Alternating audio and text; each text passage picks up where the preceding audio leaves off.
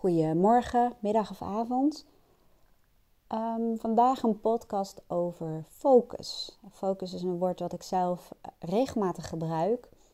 En wat ik ook gebruik in um, de levensplangroep. Uh, waar inmiddels een groepje is ontstaan van mensen die met, met elkaar in een appgroep zitten, zeg maar. En een van de dingen die daaruit voortvloeit is een is het maken van een focusplan. En dat helpt eigenlijk om op basis van je persoonlijke waarden, dus de dingen die het allerbelangrijkste zijn voor jou in je leven, om een aantal concrete smart doelen te filteren, die je bijvoorbeeld in een kwartaal, uh, hoe moet ik dat nou zeggen, uh, nou ja, die je, dingen die je ten doel stelt, om dat binnen een kwartaal te doen. En dat je focus gaat naar die doelen en dat je keuzes maakt en andere dingen laat voor wat ze zijn. Dus dat geeft al richting dat geeft inderdaad focus.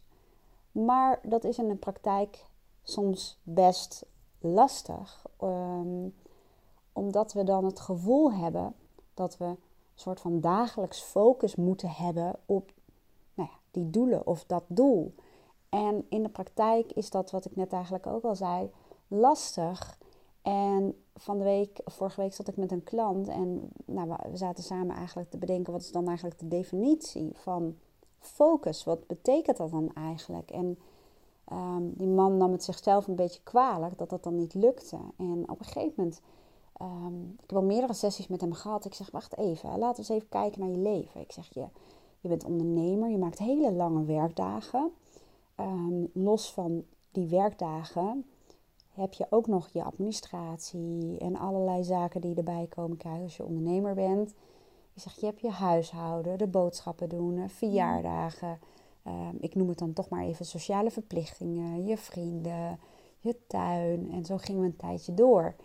Ik zeg maar, blijft er überhaupt dan heel veel tijd over? En ehm, heb je dan niet eigenlijk al focus, maar is dat verspreid over een aantal uh, andere doelen hè, die voor jou uh, ook belangrijk zijn. Ik zeg, kan het, is het echt wel realistisch om dan te zeggen van dat je heel veel focus wilt hebben en dat je jezelf elke keer voor je gevoel teleurstelt omdat je in jouw ogen te weinig focus hebt? Ik zeg, is dat inderdaad eigenlijk wel realistisch? En um, ja, hij, hij, ik, ik probeer het even terug te halen hoe dat ging, maar hij zei ja, het is inderdaad wel een eye-opener, want het kan eigenlijk helemaal niet wat ik wil.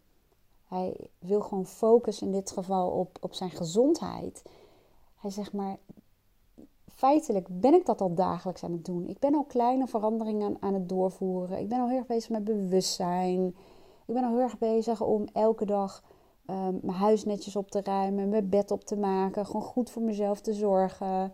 Om um, betere voeding mee te nemen naar mijn werk, om minder suiker te nemen en om minder koffie te drinken en om dat te doen tot een bepaald tijdstip. En ik ben hiermee bezig en daarmee bezig. Dat zijn allemaal van die, um, nou ja, ogenschijnlijk kleine veranderingen die die aanbrengt. Maar het is toch best een hele prestatie om dat te doen en om dat vol te houden. En die dingen die hij elke dag doet, die hij dus verandert in zijn leven, dragen wel bij aan nou ja, dat doel dat hij heeft. En dat is dat hij ehm, een gezondere levensstijl wil. En ik ga niet helemaal uitleggen wat zijn definitie is van die gezondere levensstijl. Want daar zitten natuurlijk een aantal resultaten onder die hij wil bereiken. Maar op dagelijks niveau is hij met kleine veranderingen elke dag al een bijdrage aan het leveren aan dat doel wat hij gesteld heeft. En voor zijn gevoel is dat, was dat te weinig omdat hij hele grote stappen wil zetten. Maar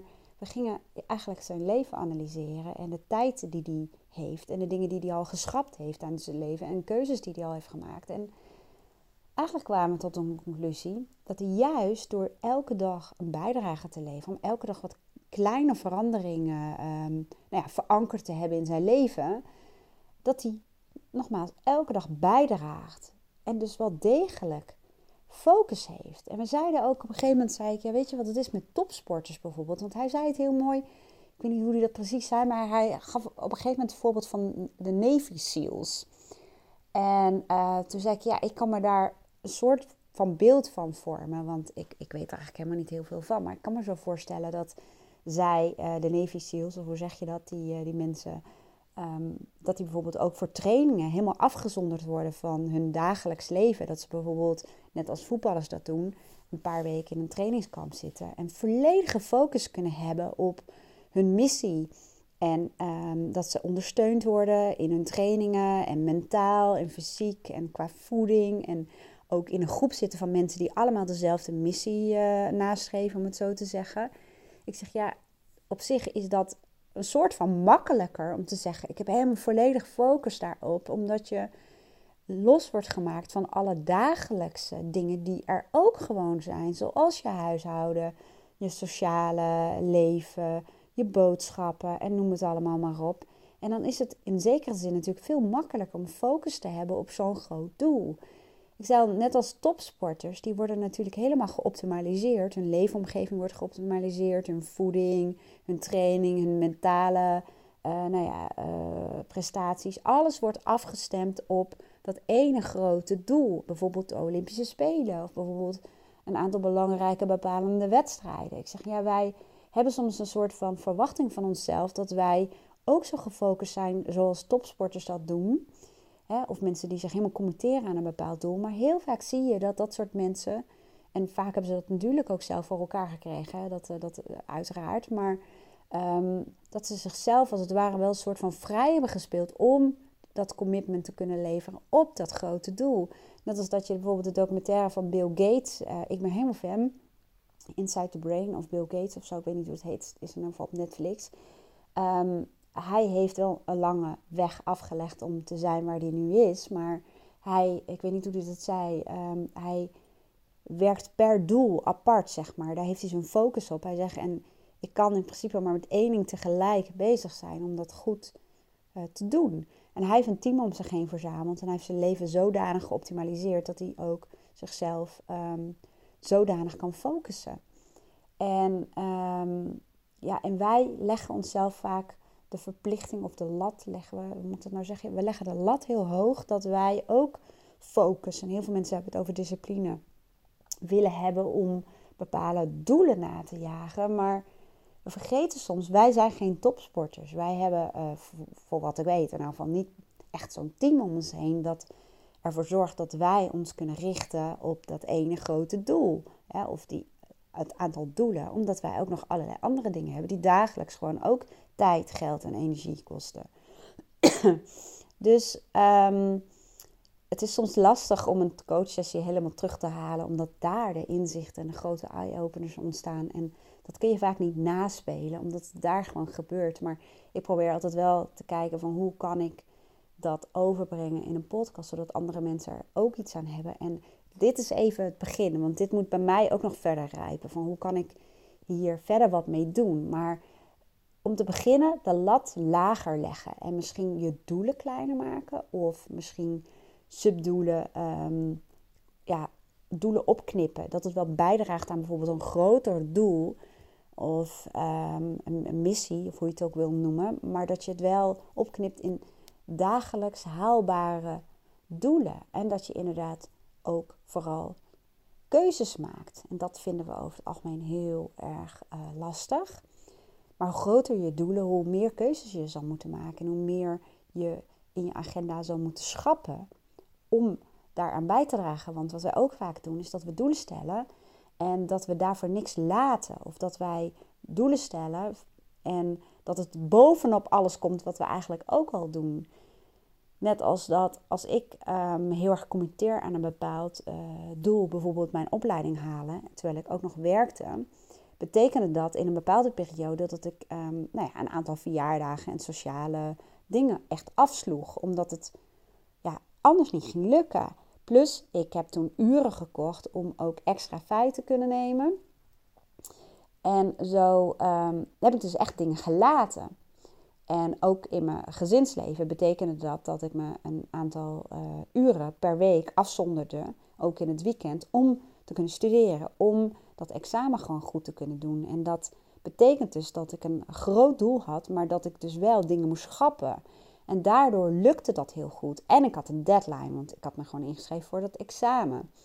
En dan zie je, dan lukt dat beter. Maar als je dus jezelf doelen stelt en vervolgens niks anders daarvoor uit je agenda haalt, dan, ja, dan kan dat leven, eh, dan kan dat zorgen voor frustratie, teleurstelling in jezelf, omdat je het er even bij wil doen. En in je hoofd misschien wel groot maakt. Of het gevoel dat je geen discipline hebt of iets dergelijks. Maar vaak heeft het ook te maken met motivatie en, nou ja, en vooral je agenda daarop aanpassen. En um, dus even terug naar uh, mijn eerste um, eye-opener die ik eigenlijk wil delen. Of nou ja, om te zeggen, inspiratie die ik wil delen is... Leg de lat voor jezelf wat lager als je merkt dat je baalt of dat je gefrustreerd bent, dat je niet genoeg focus hebt op je doelen. Ga eens kijken of ze niet te groot zijn, of je ze kunt opknippen. En ga eens kijken of je ze zodanig klein kunt maken dat je elke dag daar iets aan bijdraagt. Stel, ik ben mijn Engels aan het uh, verbeteren. En dat is in mijn geval echt nodig, omdat ik in het Nederlands uh, redelijk, um, ja, hoe zou ik dat zeggen, in metaforen spreek, beeldspraak gebruik en dat soort dingen. Dus heel erg mijn creatieve brein gebruik om me uit te drukken in uh, woorden, in taal. En in het Engels merk ik dat mijn woordenschat soms ontoereikend is of dat ik nog heel erg zoek naar woorden. En dat doe ik eigenlijk met de ene hersenhelft. En op dat moment um, is het voor mij lastiger om dat te combineren met mijn creatieve brein, om het zo te zeggen. En merk ik gewoon dat ik mezelf uh, beperkt voel. Dat de wijze waarop ik me uitdruk in het Nederlands, dat lukt mij dan niet in het Engels zoals ik dat zou willen. En dat frustreert me. En um, ik heb op een gegeven moment gedacht, nou zou ik me dan inschrijven. Ik heb dat wel eerder gedaan uh, bij zo'n universiteit en dan kun je online Engels leren. Dat heb ik ook wel gedaan, alleen ik merkte dat dat lastig was voor mij om dat um, in te plannen. En dat was dan bijvoorbeeld dat ik dat maar één keer in de week kon doen. En ja, dat werkt wel, maar dat zet niet heel veel zoden aan de dijk. En ik was toen gefrustreerd dat ik dacht, ja, maar eigenlijk wil ik er elke dag mee bezig zijn. Dus ik heb dat kleiner gemaakt. En wat ik nu doe, is ik um, koop Engelse boeken. En een paar keer in de week lees ik gewoon een paar bladzijden in Engelse boeken. En dat zijn ook best lastige, moeilijke boeken. Dus best wel um, hoog Engels niveau. En ik open dan mijn telefoon en dan zet ik Google Translate aan. En elk woord dat ik niet ken, of elke zin waarvan ik niet helemaal de context begrijp, die ga ik vertalen. En dan laat ik ook Google dat uitspreken.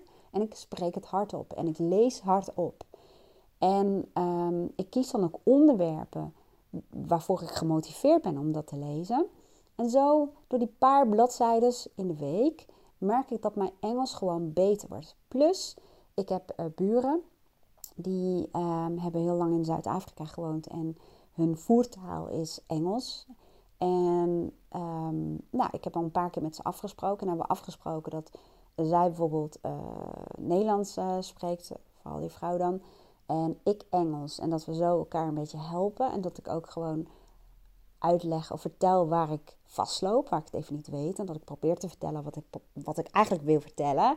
En um, ik wil gewoon een leuk gesprek hebben. Dus ik word eigenlijk gedreven en gemotiveerd om ja, steeds een grotere uh, schat aan Engelse woorden um, te verzamelen, om het zo te zeggen. En ik zoek dus inderdaad drijfveer. En dat is dat ik gewoon een leuk gesprek wil kunnen voeren in het Engels. En dat ik me op een dusdanige manier wil uitdrukken in het Engels. En ik wil bepaalde materie snappen. En daarvoor heb ik een Engels boek gekocht. En um, nou ja, dat motiveert. En zo zie je, en ik luister sowieso heel veel Amerikaanse podcasts en Engelse podcasts en YouTubes en dat soort dingen. Um, dat deed ik eigenlijk al. Maar ik merkte dat ik um, de context heel goed snapte en een beetje lui was. Dat als ik een woord hoorde, dat ik dacht, hé, hey, wat betekent dat eigenlijk? Nu zoek ik het op. En dan zorg ik ervoor dat ik Google Translate al open heb staan. Dus ik pauzeer dan even de podcast en ga het dan vertalen. En wat we nu ook doen, is uh, series in het Engels kijken, maar dan niet Nederlandse ondertiteling, maar Engelse ondertiteling.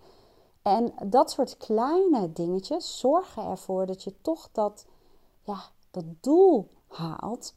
En het grappige is dat ik heb elke keer gezegd van... Ik heb een soort beeld voor me en dan zie ik mezelf dus ook een soort van fantasie. Want ik snap heus wel dat dat um, waarschijnlijk niet gaat gebeuren. Maar ik heb ooit op mijn vision board een plaatje geplakt van mijzelf met Oprah. En dan zeg ik ja, en dan ga ik uh, over een paar jaar zit ik weer bij uh, Oprah. En uh, niet meer haar Oprah show, die heeft ze natuurlijk niet meer. Maar nou ja, weet ik veel. Ze heeft nu andere dingen, zeg maar, of online. En dan zit ik daar te vertellen over hoe het in Nederland gaat. En met de coaching en hoe ik dat heb gedaan. En ja, ik heb een hele grote fantasie. En dat helpt vaak ook om je dromen te realiseren. En toen zei ik, maar dan moet mijn Engels wel een beetje beter worden. En, um, en dat, ja, daar moet ik soms stiekem lachen, want dat beeld blijft wel in mijn hoofd zitten. En ik snap dat dat helemaal niet realistisch misschien is, maar ik ben wel iemand die, um, nou ja, ik geloof wel in grote dromen, laat ik het zo zeggen. Maar een ander doel is om op een gegeven moment mijn, um, stel dat mijn YouTube en mijn podcast gewoon een steeds groter bereik krijgen. Hè. Hoe meer ik ermee doe, hoe meer mijn bereik groeit en dat soort dingen. En op een gegeven moment kan ik me zo voorstellen dat je ook graag je bereik wilt vergroten. En dat je ook bijvoorbeeld Amerikaanse uh, mensen wil bereiken. Of Engels sprekende mensen, laat ik het zo zeggen.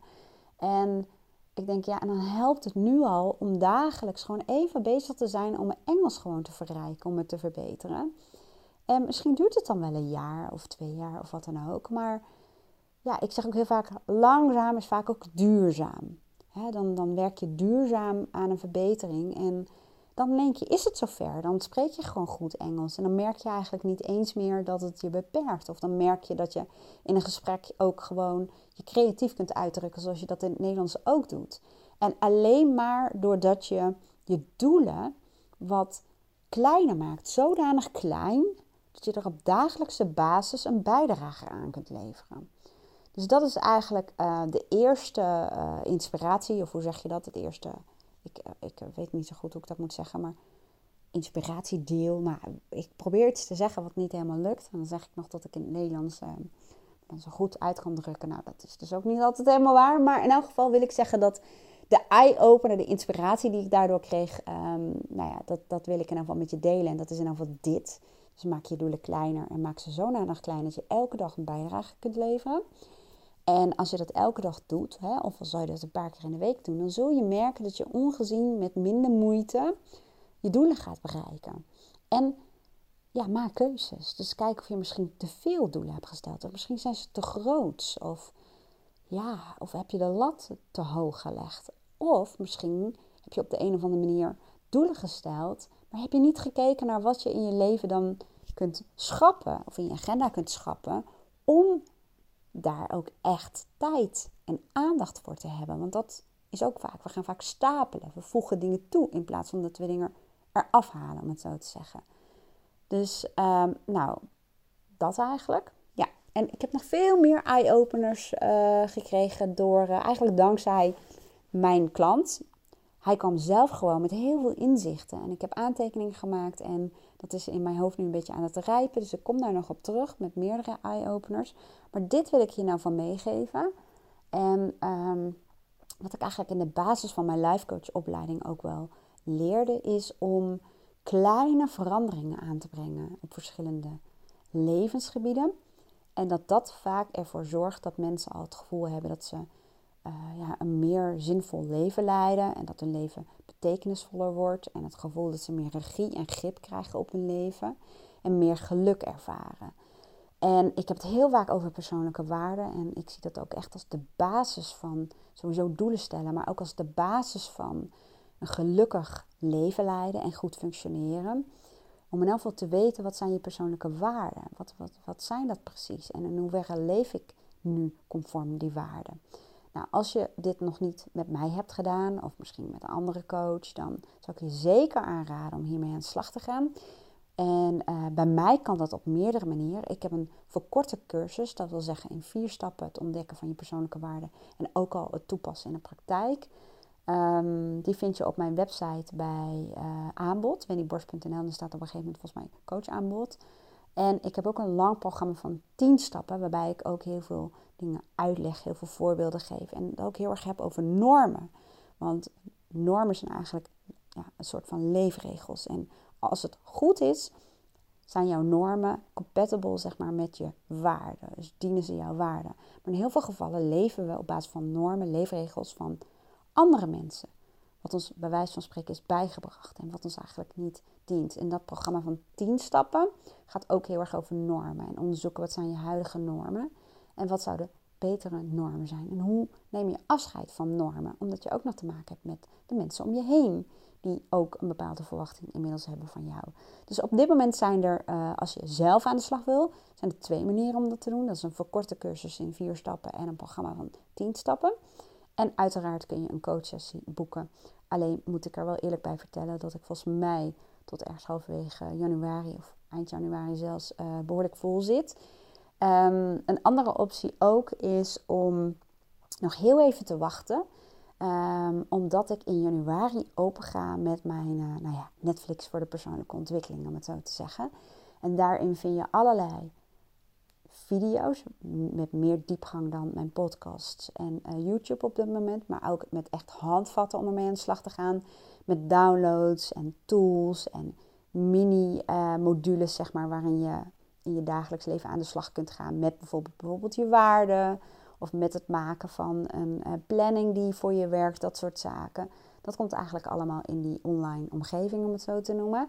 Maar dat is er pas in januari. En als jij zegt van, nou, ik wil wel weten hoe dat in zijn werk gaat en wat dat uh, kost en hoe dat, nou ja, hoe dat eruit ziet en wat ik eraan heb, dan zou ik zeggen, uh, stuur me even een, um, een mailtje, wendyborst.gmail.com.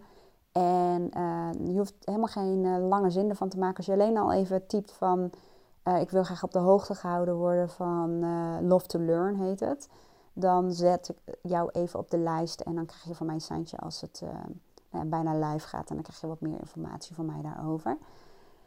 Nou, ik hoop dat je er iets mee kan. En um, superleuk dat je hier naar geluisterd hebt. En um, ik weet niet via welk kanaal je dit kijkt. Via YouTube bijvoorbeeld. Of luistert moet ik dan zeggen.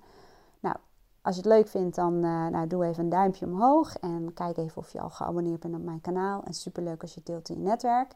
En als je op andere kanalen er naar luistert, bijvoorbeeld Spotify of iTunes of Soundcloud of wat dan ook, nou vind ik het hartstikke leuk als je ook even een nou, review achterlaat of een like of je abonneert op mijn kanaal. En uh, nou, tot zover de promotie. Dat is nieuw voor mij. Dat doe ik eigenlijk helemaal niet. Het is een, een van de eerste stelregels van ondernemen eigenlijk om, uh, nou ja, om wel je kanalen te promoten. Dus bij deze.